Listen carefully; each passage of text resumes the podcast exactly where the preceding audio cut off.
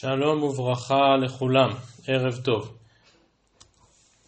לאחר שאתמול עסקנו בקווים כלליים, בקנייני גזלן, בשינוי, אמרנו כמה מילים על ייאוש, אנחנו עוברים לשלב ההוכחות בסוגיה שמתמקדות במחלוקת רבא ורב יוסף שראינו אתמול, האם ייאוש קונה או איננו קונה. אז כזכור רבא סבור שייאוש קונה אלא שהוא מתלבט האם קונה מן התורה או מדי רבנן, בעוד שרב יוסף סבור שייאוש אינו קונה כלל. אנחנו בגמרא בדף ס"ו עמוד ב' בנקודותיים. הייתי ואביי לרב יוסף. זכור, רב יוסף הוא זה שאומר שייאוש איננו קונה, ואביי מקשה לו מן ההלכה הבאה. אורות של בעל הבית, מחשבה מטמאתן, ושל עבדן אין מחשבה מטמאתן. אז אתמול כשסיימנו בעניין של מי שגזל משכב מחברו, והאם יש בזה, אה, האם הזב מטמא את זה טומאת משכב או לא מטמא טומאת משכב, הזכרנו את הפרשנות של התוספות שמבוססת על ההלכה הזו. כלל גדול בדיני טומאה וטהרה בכלים, שרק כלי שנגמרה מלאכתו והוא כבר ראוי לשימוש, רק מאותו שלב אכן יש בו טומאה. ולכן אורות של בעל הבית, בעל הבית שהחזיק איזשהו אור, השאלה האם צריך כרגע איזשהו עיבוד נוסף לאותו אור, או שהאור הזה אפשר להשתמש בו כך. למשל, אם רוצים אה, להשתמש בו בתור אה, אה, מזרון, אז האור מספיק מעובד. אם רוצים אחר כך להכין ממנו בגד, נדרש עוד עיבוד נוסף. ולכן אם האור הזה שייך לבעל הבית, המחשבה מטמאת אותו. כלומר די בזה שבעל הבית החליט שאין צורך בעיבוד נוסף ומשתמשים באור כמו שהוא, כדי שיקבל טומאה. לעומת זאת אורות של עבדן, מי שמוכר אורות אין מחשבה מטמאתן. כי גם אם העבדן חשב לעשות דבר אחד, אבל עכשיו יבוא אחד הקליינטים שלו ויבקש לקנות אור, אבל הוא זקוק באור למשהו אחר שזקוק לעוד עיבוד ולעוד פעולות באור, אז המחשבה של העבדן לא רלוונטית כי הוא מוכר את זה למי שירצה ויבוא ויקנה, וכאמור אותו קונה, הוא יחליט מה לעשות באור. זו הקדמה להלכה הבאה שאומרת, של גנב מחשבה מטמאתן. כלומר אם אדם גנב אור מחברו, בסמכותו של הגנב להחליט מה רוצים לעשות באור הזה. האם האור הזה ישמש כמשכב, האם האור הזה ישמש לנעליים, האם האור הזה ישמש לבגדים, ומה שהגנב יחליט זה מה שיהיה. ואם הגנב החליט שנגמרה מלאכתו, אז הנה חינמי, די במחשבתו והם כבר יכולים לקבל טומאה.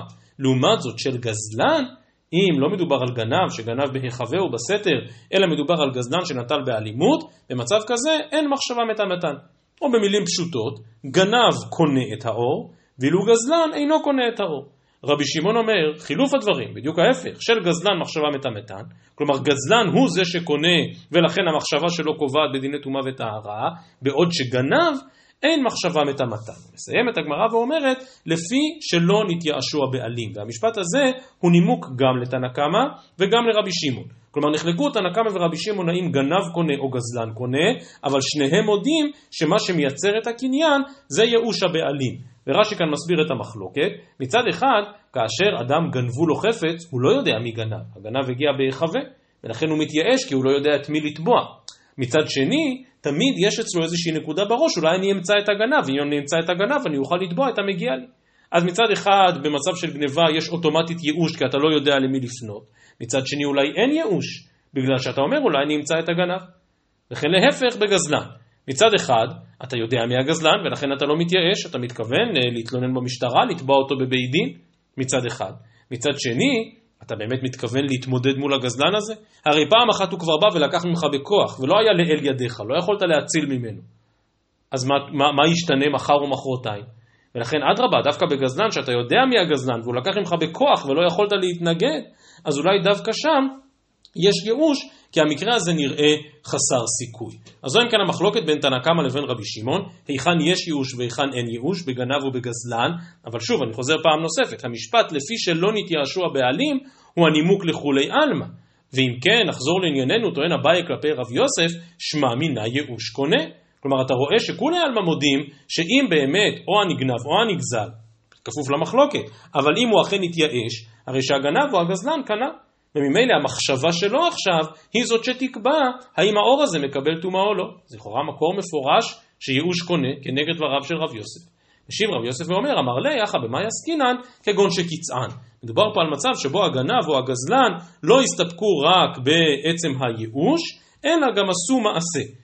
קיצען, כלומר עשו את אותו גמר מלאכה, עשו עוד איזושהי פעולת עיבוד באותו האור. ואז לא מדובר על קניין מכוח הייאוש, כאן מדובר על קניין שיש בו גם ייאוש וגם שינוי מעשה. ושינוי קונה, על זה ראינו שאין מחלוקת. וזה מוסכם על הכל.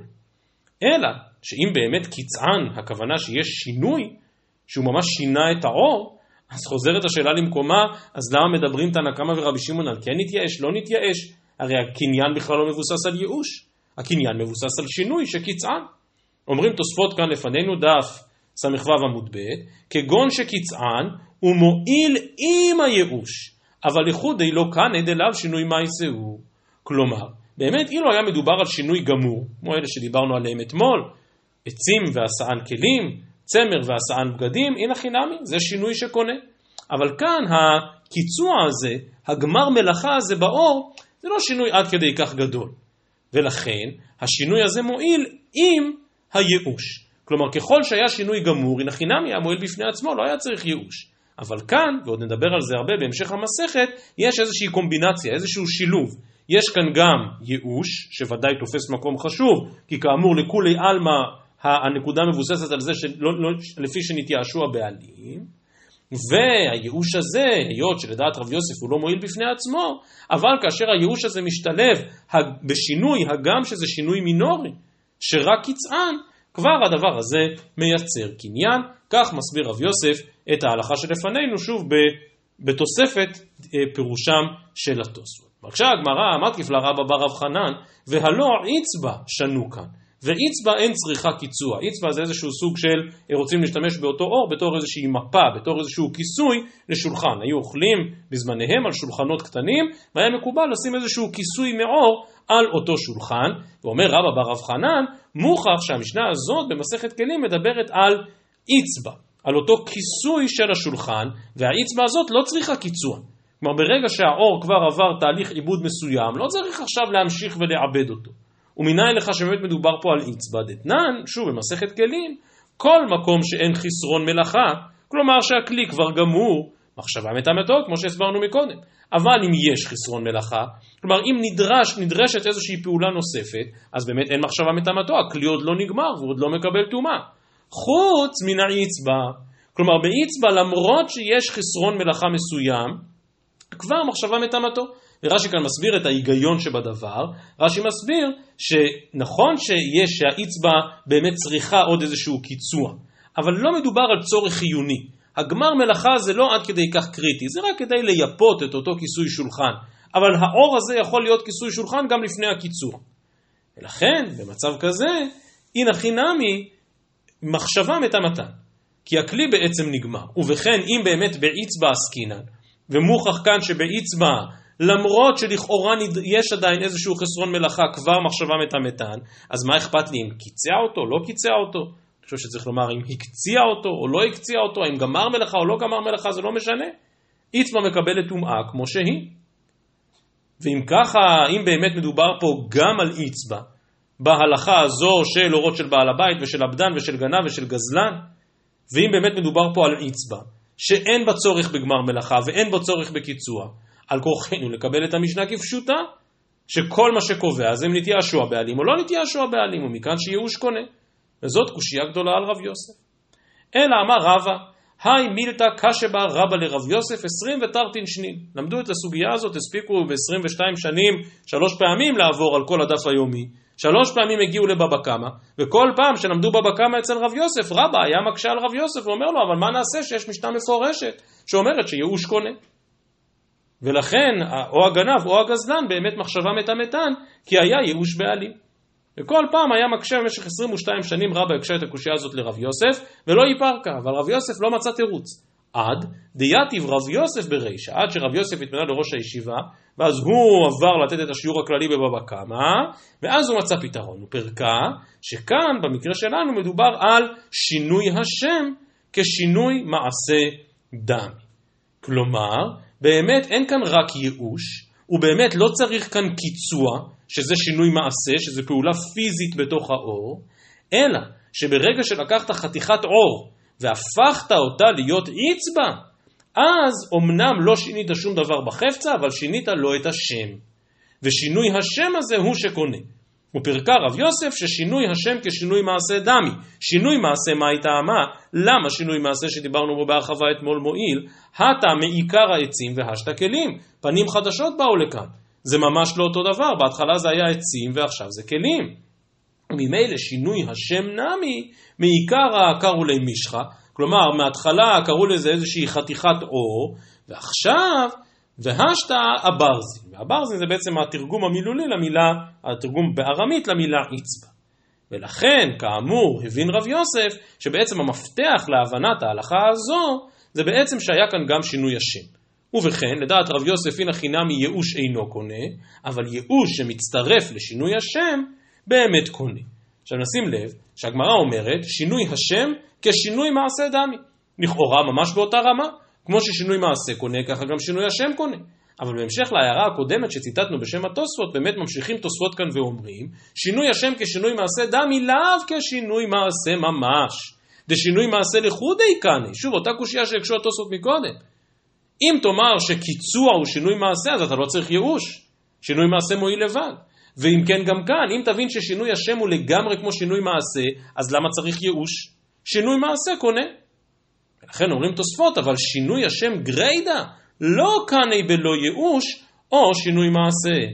ושוב, אותה קומבינציה מיוחדת. אילו היה שינוי מעשה, שמעיקר העצים ואשת כלים, מעיקר הצמר ואשת בגדים, הנה חינמי לא צריך שום דבר בנוסף, כי שינוי קונה. אבל כאשר כל מה שהשתנה זה רק השם, אז באמת אתה צודק, זה לא אותו חפץ שהיה מקודם. מלכתחילה קראו לזה חתיכת עור, ועכשיו קוראים לזה מפה. השם השתנה, אבל בגלל שהחפץ שלעצמו לא השתנה, אז שינוי השם גריידא לא מועיל. שינוי השם שמצטרף לו גם ייאוש, על זה נאמר כאן שהנה חינמי הוא אכן קונה, וממילא הגנב או הגזלן, בכפוף למחלוקת הנקמה ורבי שמעון, הגנב או הגזלן הוא זה שיקבע האם הדבר הזה מקבל טומאה או לא. ולכן מה שמתחדש לנו כאן זה שאכן יש סוג נוסף של שינוי, לא שינוי מעשה אלא שינוי השם, אבל כמו שהתוספות מדגישים, על כורחנו לומר שאותו שינוי השם הוא לא שווה ערך לשינוי מעשה, אלא חשיבותו פחותה. מקשה הגמרא ואומרת, והרי מריש, מריש זה בעצם סוג של קורה, של איזשהו קרש, דאיכא שינוי השם, דמעיקרא קישורא, והשתתה לה.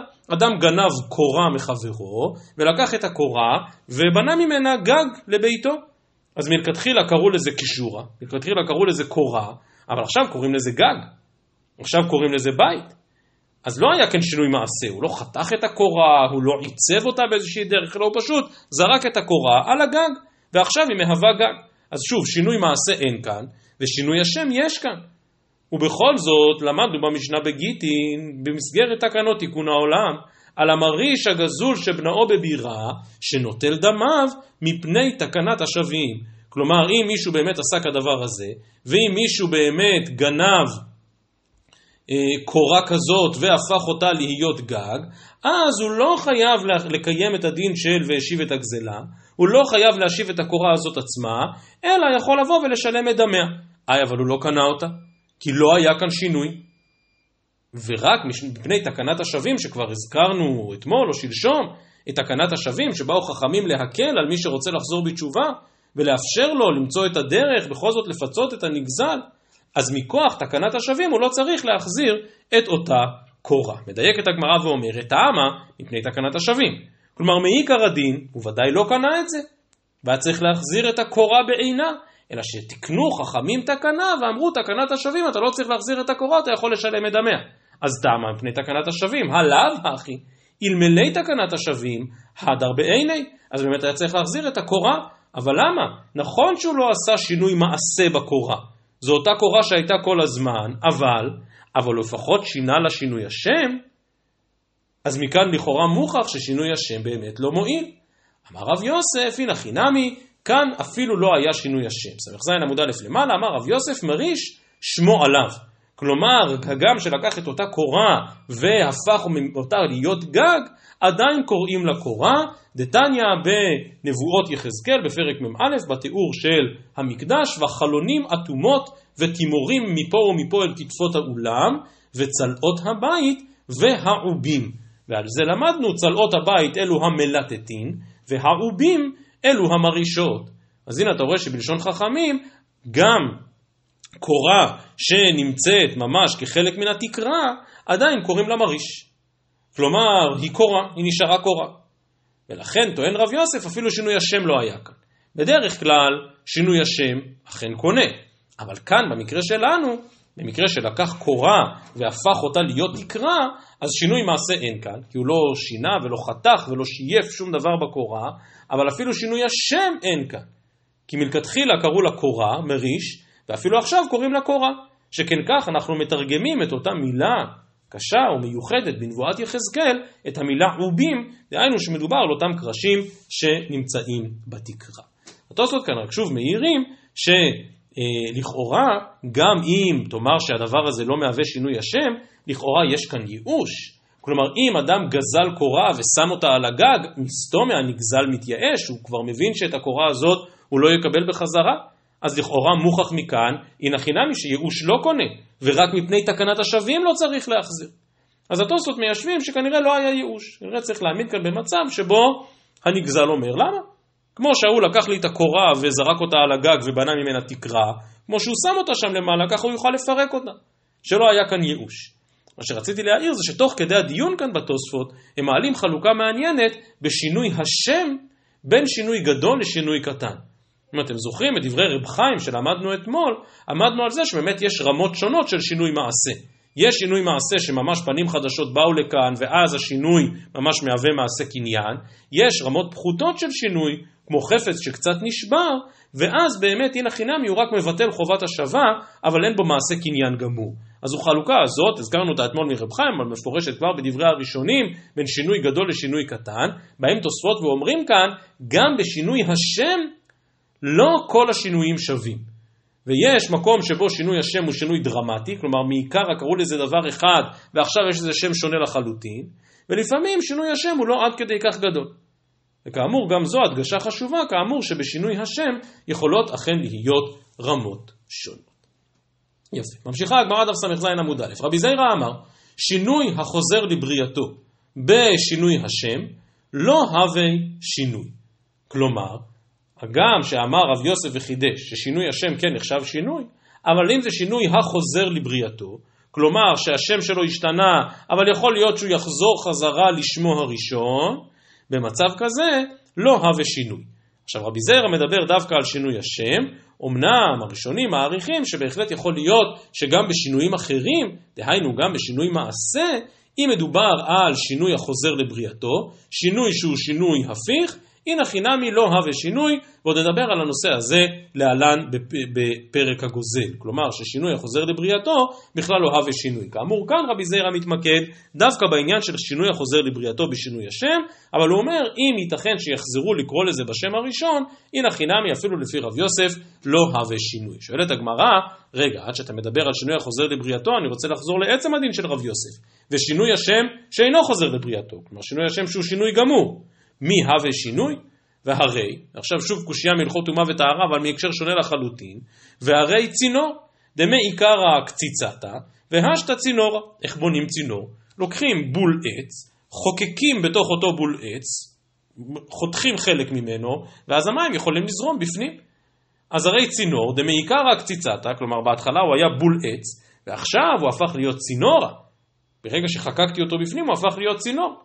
ותניא, צינור שחקקו ולבסוף קבעו פוסל את המקווה. כלומר, אם כבר היה לי צינור, דהיינו שהיה לי כלי, היה לי בית קיבול, אז גם אם קיבעתי את הבית קיבול הזה בתוך האדמה, סוף כל סוף הוא כלי, ומים שעברו בתוך כלי פוסלים את המקווה, זה הדין שמקווה נפסל במים שאובים. ולכן שוב, אם הצינור חקקו, כלומר, קודם כל עשיתי את אותה חקיקה בצינור, ייצרתי כאן צינור, ורק אחר כך קיבעתי אותו באדמה, אז הוא כלי, ומים שעוברים דרכו פוסלים את המקווה הם מים שאובים. לעומת זאת, אם קבעו, אם קודם כל אני מקבע את הבול עץ באדמה, ואז הוא לא כלי, הוא בול עץ. ורק אחר כך, כשהוא מקובל לאדמה ולבסוף חקקו, במצב כזה אינו פוסל את המקווה.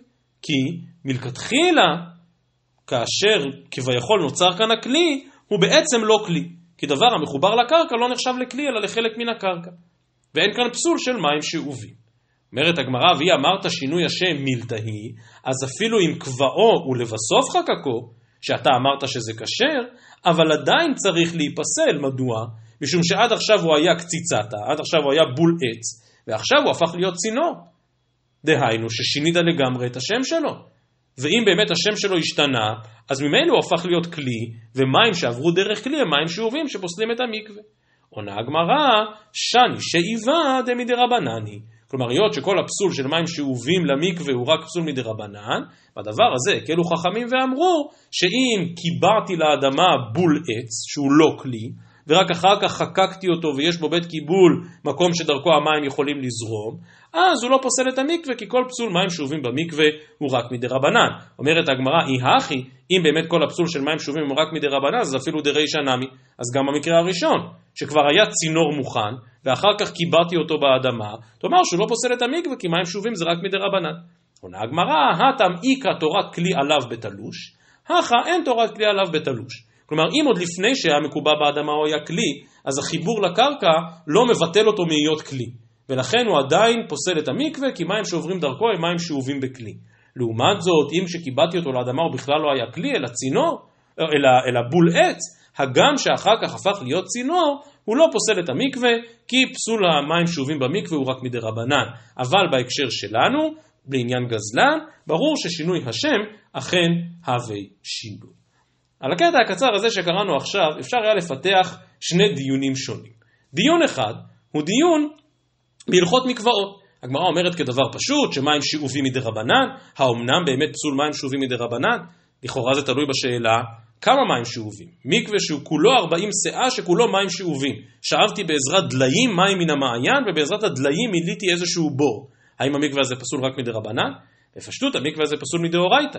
אז השאלה כמה מים שאובים פוסלים את המקווה מדאורייתא מדרבנן, בשלושה לוגין, ברוב וכולי וכולי, דיון אחד על מים שאובים מדרבנן, וכן דיון מעניין שיש כאן בתוספות, איזה סוג צינור הופך מים להיות מים שאובים. זאת שאלה גדולה, הלכה למעשה, שכן כל מקווה שבעולם בדרך כלל מתמלא באיזשהו סוג של צינור שקולט את מי הגשמים לתוך הבור, אה, בור ההשקה, בור הזריעה של המקווה, ולכן אה, ברור שצריך איזשהו צינור. אז מתי צינור נחשב כלי או לא נחשב כלי? טוב, אז אלה שאלות מרתקות בדיני מקוואות, אבל ממש לא כאן המקום לדון בהם, לא בפסול של מים שאובים ולא בהגדרה של צינור שהופך מים להיות מים שאובים. זה דיון אחד על הגמרא שראינו עכשיו, בהלכות מקוואות.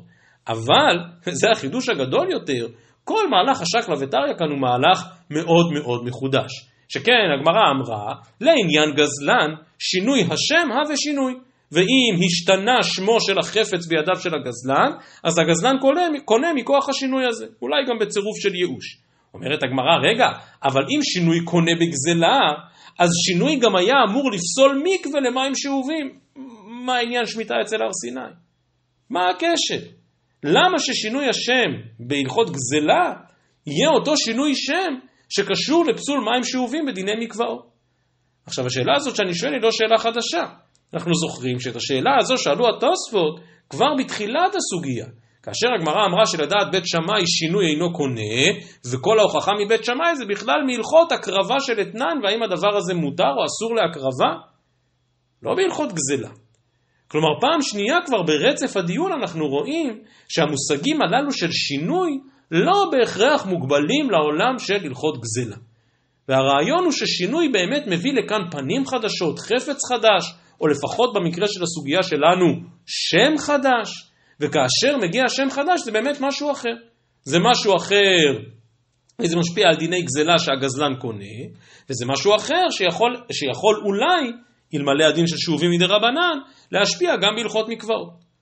ולומר שהדבר הזה הפך להיות כלי והוא פוסל את המקווה, שוב, אלא אם כן היינו מבינים, אלמלא היינו מבינים שפסול מים שאובים הוא אכן פסול מדי רבנן. אז שוב, צריך להיות ערניים לנקודה הזאת, שהגמרא באמת עוברת ומדלגת מתחום אחד לתחום אחר, ומבינה שהדין של שינוי באמת יכול להשפיע על הלכות שונות.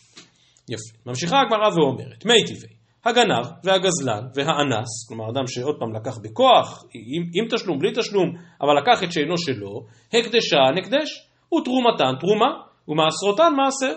כלומר אדם שגנב או גזל פירות, יכול לתרום מהם תרומות ומעשרות, או יכול לאסר אותם. רגע, אבל זה דין בביילים. רק הבעלים החוקי יכול לתרום תרומה, או להפריש מעשר. האם גנב הוא בעלים? האם גזלן הוא בעלים? לכאורה יש רק דרך אחת להסביר את זה, והיא שכנראה הוא גנב והיה ייאוש. הוא גזל והיה ייאוש, ולכן, היות שכבר היה ייאוש, אז הוא, הוא הופך להיות ביילי. או במילים אחרות, מוכח מכאן שייאוש קונה, כי אחרת אם ייאוש לא קנה, איך הגנב ואיך הגזלן יכול לעשות תרומות ומעשרות? ואיך הוא יכול להקדיש? אז מכאן מוכח שוב שייאוש קונה כדעת רבא נגד רב יוסף. אמרי, הטעם איכא שינוי השם. עוד פעם אותה תשובה, גם כאן יש שינוי השם, דמעיקר הטיבלה, עד עכשיו קראו לפירות הללו תבל, והשתא תרומה, או בהקדש מעיקרא קוראים להם חולין, ועכשיו קוראים להם הקדש.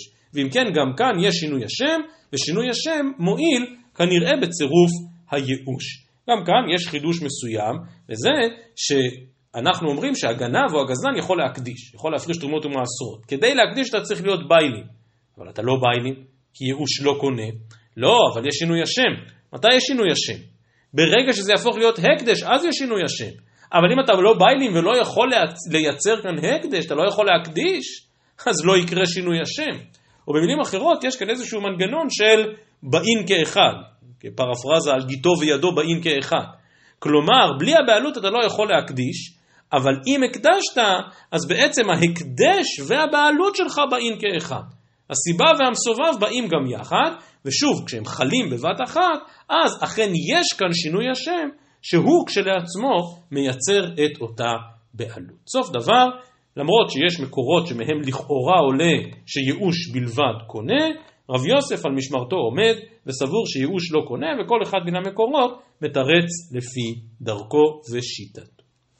אומרת הגמרא, אמר רב חיסדא אמר רבי יונתן, מניין לשינוי שהוא קונה, חזרנו לראשיתה של הסוגיה, לדבריו של רבא, וכמו שראינו לכאורה, אני אומר לכאורה, על זה אין מחלוקת, ששינוי ודאי קונה, אז חוזר רב חיסדא על אותה טענה, מניין לשינוי שהוא קונה, שנאמר, והשיב את הגזלה אשר גזל. מה תלמוד לומר אשר גזל? הרי ברור, אם כתוב והשיב את הגזלה, אז הוא צריך להשיב את מה שהוא גזל.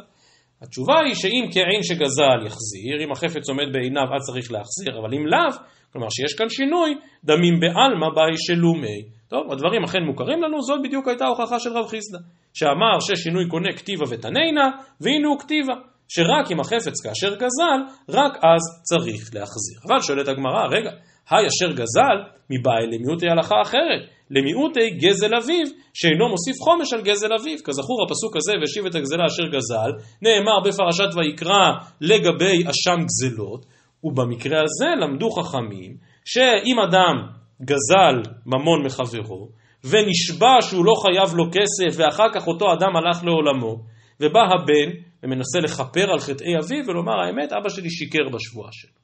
השבועה של אבא שלי לא הייתה אמת. האם במצב כזה הבן חייב להחזיר את הגזלה וגם להוסיף חומש? התשובה היא לא. אינו מוסיף חומש על גזל אביו, כי זה לא הגזלה אשר גזל.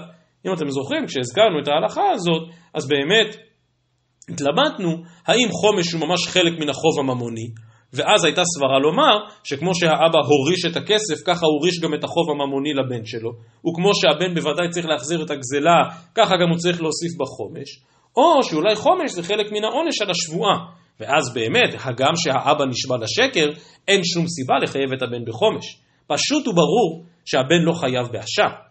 אם האבא נשבע שבועת שקר, הבן לא יצטרך אחר כך להביא אשם על מה שאבא שלו נשבע. לגבי החומש באמת אפשר להתלבט.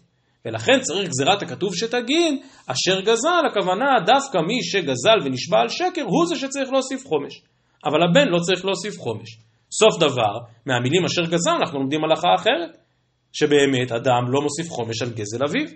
אז איך מהמילה אשר גזל אתה רב חיסדא, כמו גם רבא בתחילת הסוגיה, רוצה ללמוד ששינוי קונה? עונה הגמרא, אם כן, נכתוב רחמנה והשיב את גזלו. אשר גזל, למה לי למכתב? שמע מינא תרתי. כלומר, אפשר ללמוד, היות שאפשר היה לקצר את הפסוק יותר, ובכל זאת כתבה תורה אשר גזל, לומדים מכאן שתי הלכות, גם ששינוי קונה, וגם שאדם לא מחויב חומש על שבועת שקר של אביו. אז בעצם אם כך, דברי רב חיסדא לחלוטין מהווים חזרה ועולים בקנה אחד עם דבריו של רבא על ייאוש קונה. אבל אומרת הגמרא, ואיכא דאמרי, אמר רב חיסדא, אמר רבי יונתן, מניין לשינוי שאינו קונה, שנאמר והשיב את הגזלה מכל מקום. כלומר, בין שהגזלה השתנתה בין שלא השתנתה, צריך להחזיר, כי שינוי לא קונה. שואלת הגמרא, והכתיב אשר גזל, כלומר דווקא אם כן שגזל יחזיר, ההוא מבא אליה על גזלו שלא מוסיף חומש, ואינו מוסיף חומש על גזל אביו. אותה הלכה שמקודם רצינו לטעון שאפשר ללמוד שתי הלכות מהפסוק, לא. לפי האיכא דאמרי, לפי הלישנא בתרא, למדים הלכה אחת בלבד. אז כמו שכבר ראינו, הזכרתי את זה מקודם, בית שמאי באמת סבורים ששינוי לא קונה. ותהיינה עוד דעות נוספות בתנאים בתחילת הפרק התשיעי, שיאמרו ששינוי אינו קונה, אבל הגמרא תדחה את כולם. ולכן, זה שיהיה לנו כאן בגמרא איכא דאמרי, שבעצם חולק על הדעה המרכזית בתנאים, האיכא דאמרי כאן סבור ששינוי אינו קונה, בניגוד לרבא, בניגוד לרב יוסף, בניגוד לבית הלל, בניגוד לכל הדעות שיהיו בתחילת הפרק התשיעי, יש בזה חידוש בלתי מבוטל.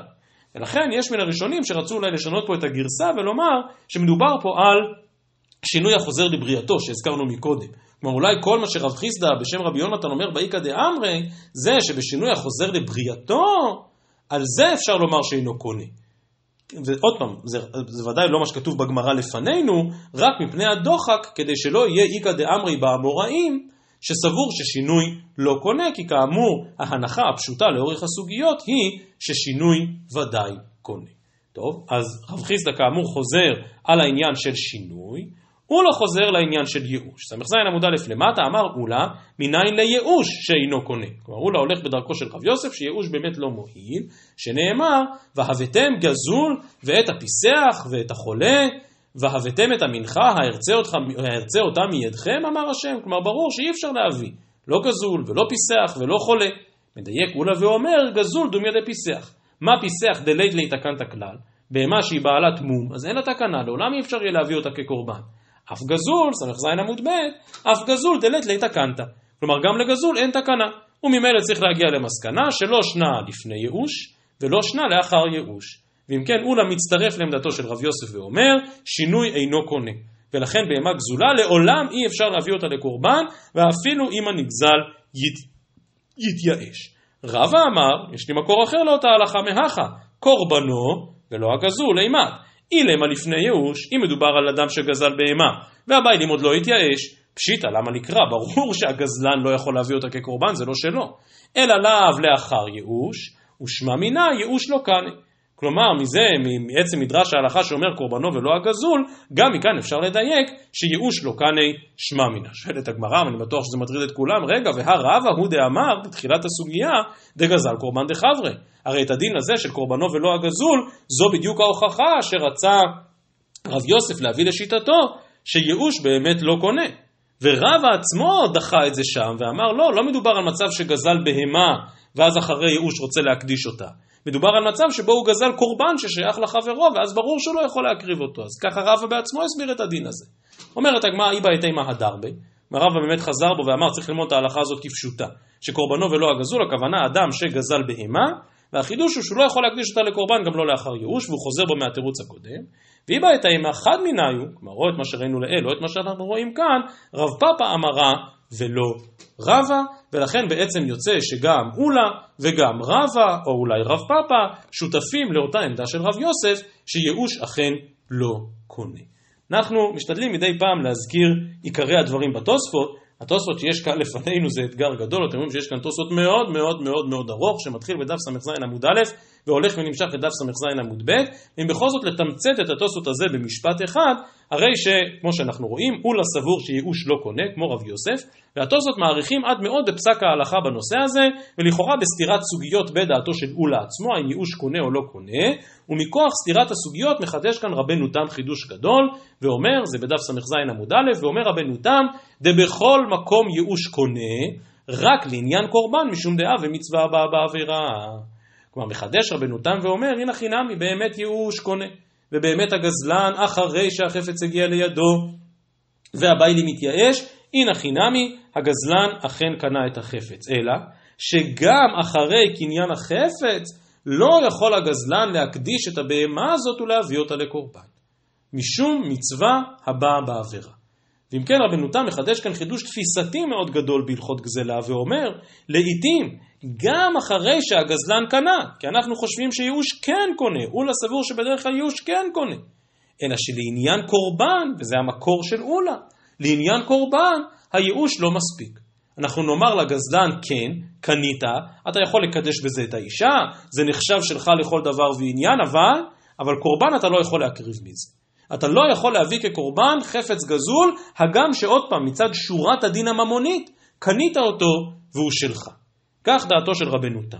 והרי מקשה קושיות רבות על הפירוש הזה של רבנו תם, כי הרי נוטה לומר, מה פתאום? מה שמועיל בדיני קניינים, ממילא פותר גם את בעיית מצווה הבאה בעבירה. כלומר, אם זה מועיל בקניינים וכרגע אחרי ייאוש זה של הגזלן, אז אם זה שלו, זה שלו. וכמו שהוא יכול לקדש בזה את האישה, ככה גם הוא יכול להקדיש את זה לקורבן. אז זו אם כן המחלוקת בין רי לרב, לרבנו תם, שהיא מצד אחד מחלוקת בהלכות מצווה הבאה בעבירה, ומצד שני בעצם מחלוקת בדיני גזלה. האם באמת קניין גזלה הוא קניין גמור ושלם, לא אכפת לי מה היה בהיסטוריה, כרגע זה של הגזלן, כך אומר הרי, או שאומר רבנו תם, אי אפשר למחוק את ההיסטוריה. ואם מדובר על חפץ גזול, אז אי אפשר להקריב אותו, הגם של הגזלן אכן יש בעלות על החפץ הזה. זו אם כן ממש על רגל אחת ועל קצה המזלג המחלוקת בין רבנו תם לבין הרי שנידונה כאן באריכות רבה מאוד בדברי התוספות. אגב הרמב"ם באמת פוסק כפשט דברי אולה גם פרק א' מלכות גניבה גם פרק ב' מלכות גזלה ואבדה שייאוש באמת לא קונה. שינוי קונה אבל ייאוש הנה חינמי אכן לא קונה כפשט דברי אולה כאן, שזה משתלב בדברי רבא, שמשתלב בדברי רב יוסף, כלומר שלא כמו רבנו תם, שמגבילים את הדין שייאוש לא קונה רק לעניין זה שהוא לא קונה שאפשר יהיה להביא מזה קורבן, לא, ייאוש לא קונה באופן גורף, כי אין די בו כדי לקנות, ייאוש זה מושג בהלכות אבדה, כמו שראינו בתחילת הסוגיה, אי אפשר להגיע ממנו למסקנה שגזלן קונה בייאוש. קטע אחרון ובואו נעצור, אנחנו חוזרים אל משנתנו. אומרת הגמרא דף ס"ז עמוד ב' ראינו במשנה שמידת תשלומי ארבעה וחמישה נוהגת רק בשור ושה. חמישה בקר ישלם תחת השור, ארבע צאן תחת השה, כלומר יש כאן איזשהו חיוב מיוחד דווקא בשור ושה. בניגוד לתשלומי כפל שנוהגים בכל דבר שנגנב, תשלומי ארבעה וחמישה נוהגים רק בשור ושה. והגמרא שואלת את השאלה המתבקשת, כמובן השאלה הזאת מטרידה גם אותנו אחרי שלמדנו את הסוגיות בסוף הפרק החמישי, ואומרת הגמרא והמים, נילף שור שור משבת, מה להלן חייב העוף כיוצא בהן, נפקן חייב העוף כיוצא בהן, או במילים אחרות דיבר הכתוב בהווה. כאשר התורה הזכירה איזשהו בעל חיים לגבי איזושהי הלכה, בדרך כלל הכוונה ש, שזה נכון בכל בעלי החיים כולם. אז מי אמר לך ש, ש, שתשלומי ארבעה וחמישה זה דין מיוחד דווקא בשור ושה? למה לא תאמר שזה דין בכל בעלי החיים כולם? אמר רבא, אמר קרא, שור ושה שור ושה שני פעמים. שור ושה אין, מידי אחרינה לא. כן, לשון הפסוק, יגנוב איש שור או שא וטפחו או מחרו, חמישה בקר ישלם תחת השור וארבע צאן תחת השה. כלומר, יש כאן הדגשה מיוחדת בפסוק שמדובר דווקא על שור ושה. ותכף נראה את מדרש ההלכה, נקרא אותו מהר, אבל ברור שבפסוק עצמו יש משהו דווקני. זה שהתורה אומרת שעל בקר דווקא חמישה, ועל, ועל צאן דווקא ארבעה, ובהמשך הפרק זה עוד יוסבר. אבל זה שיש כאן איזושהי הדגשה מיוחדת, בהכרח לא יכולה לומר שדיבר הכתוב בהווה. כי אם מוזכר איזשהו בעל חיים, למשל דיני נזיקין מוזכר שור. בסדר, דיבר הכתוב בהווה, אחד שור ואחד כל בעלי החיים כולם. אבל ברגע שהתורה יורדת לפירוט ואומרת שבשור דווקא חמש ובשה דווקא ארבע, כלומר, יש כאן איזשהו משהו דווקני על כורחנו שלא דיבר הכתוב בהווה, אלא יש כאן הלכה מיוחדת דווקא לתחומים הללו, וזה בעצם פשר החזרה הכפולה על הביטוי שור ושה. אז אם כן תמצית מדרש ההלכה, נראה עכשיו את השקלא והטריא. אומרת הגמרא, אמרי ה' מייתר. כלומר, אתה אומר שיש כאן חזרה כפולה לכאורה מיותרת, שבאה ללמד דווקא שור ושה. מי אמר לך שזה מיותר? אלא אם השור ושה דסייפא מייתר. כלומר התשלום שחמישה בקר על השור, ארבעה צאן על השה, דנכתוב רחמנה כי יגנוב שור עושה וטבחו ומחרו, חמישה בקר ישלם תחתיו וארבע צאן תחתיו, אי כתב רחמנה הכי, הווה אמינא באי שלומי תשעה לכל אחד ואחד.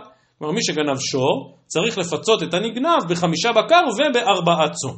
וכי תימה הכתיב תחתיו ותחתיו, הכתיב תחתיו תחתיו, כלומר שמשמע שיש תשלום לשור, תשלום לשה, חד תחתיו מייתר, גם זה לא נכון, גם המילה תחתיו לא מיותרת, כי היום היא באה אלה לדרשה אחרינה, דתניא יכול גנב שור שווה מנה, ישלם תחתיו נגידין, נגידין אומר כאן רש"י, הכוונה שברים אה, מסכנים, פגועים, מקולקלים, האם אפשר לומר שיוצאים ידי חובה? כלומר, כי אני צריך לשלם חמישה בקר, אבל לא אמרו לי איזה בקר. תלמוד לומר, תחתיו תחתיו, אתה צריך לשלם חמישה בקר בשוויו של השור שאותו גנבת וטבחת ומכרת. אלא, השור ושה של הסיפא ודאי לא מיותר. כי בא ללמד שצריך חמישה שור וארבע צאן, אלא אולי שור וסדר רישא מיותר. ונכתוב רחמנה כי יגנוב איש וטבחו ומחרו, כלומר לא יכתבו לנו מה יגנוב, אבל אז תבוא התורה ותאמר חמישה בקר ישלם תחת השור וארבע צאן תחת השה. ואז לא היינו צריכים את הרישא. אומרת הגמרא, אבל היא כתב רחמנה הכי, הווה אמינא עד דגניב תרי להו. כי כתוב כי יגנוב איש וטבחו ומחרו, אז חמישה בקר וארבעה צאן, אז אולי זה דווקא אם הוא גנב גם וגם. אומרת הגמרא, וטבחו כתיב, לחד, לא, זה עדיין מובן שזה לשון יחיד. ואימה עד דגניב דרוויו ומזבין להו, כלומר שצריך למכור את שניהם, לא, גם ומחרו, גם כאן כתוב לשון יחיד, לאחד. ואימה הווה אמינא עד דגניב דרי, כלומר הוא צריך לגנוב גם שור וגם שא, ואז לטבוח את אחד מהם ולמכור את אחד מהם. אומרת הגמרא, גם את זה אתה לא יכול לומר, כי או מחרו כתיב, משמע שמספיק או לטבוח או למכור כדי להתחייב. והכת הווה אמינא עד דגניב דרוויו, וטבח חד ומשייר חד, או מזבין חד ומשייר חד. כלומר, הוא צריך באמת לגנוב גם שור וגם שא, ולטבוח או למכור את אחד משניהם. טוב, אז שוב, כדרכו של מדרש הלכה, לא תמיד אפשר להסביר כל הווה אמינא, ולכן מסכמת הגמרא ואומרת, אלא שור דה סייפא וסדר רישא מיתר. כלומר, עדיין אפשר היה לדלל מילים בפסוק ולכתוב כך, דנכתוב רחמנא כי יגנוב איש שור, וטבחו ומחרו, חמישה בקר ישלם תחתיו. אז אתה יודע שהוא גנב שור אחד וצריך תחתיו לשלם חמישה. ותמשיך התורה ותאמר, וארבע צאן תחת השה. כלומר, ואני ממילא מבין שאם גנב צאן אז הוא צריך לשלם ארבע. ולכן שור דה סייפה, כלומר חמישה בקר ישלם תחת השור, וסדר רישא למה לי, שמע מינה שור ושאין, מידי אחרינה לו. אז שוב, אני מדגיש, דרכו של מדרש ההלכה לעשות כאן איזשהו מהלך מפותל, למה לא כתוב כך או לא כתוב כך, אבל בסוף מדרש ההלכה הזה בהחלט מעוגן בפשוטו של מקרא, ובעובדה שהתורה באמת דורשת איזשהו תשלום מאוד דווקני, דווקא חמישה על בקר, דווקא ארבעה על צאן, ומכאן שאכן מדובר על הלכה ייחודית, שור ושאין, מידי אחרינה לו, ערב טוב לכולם.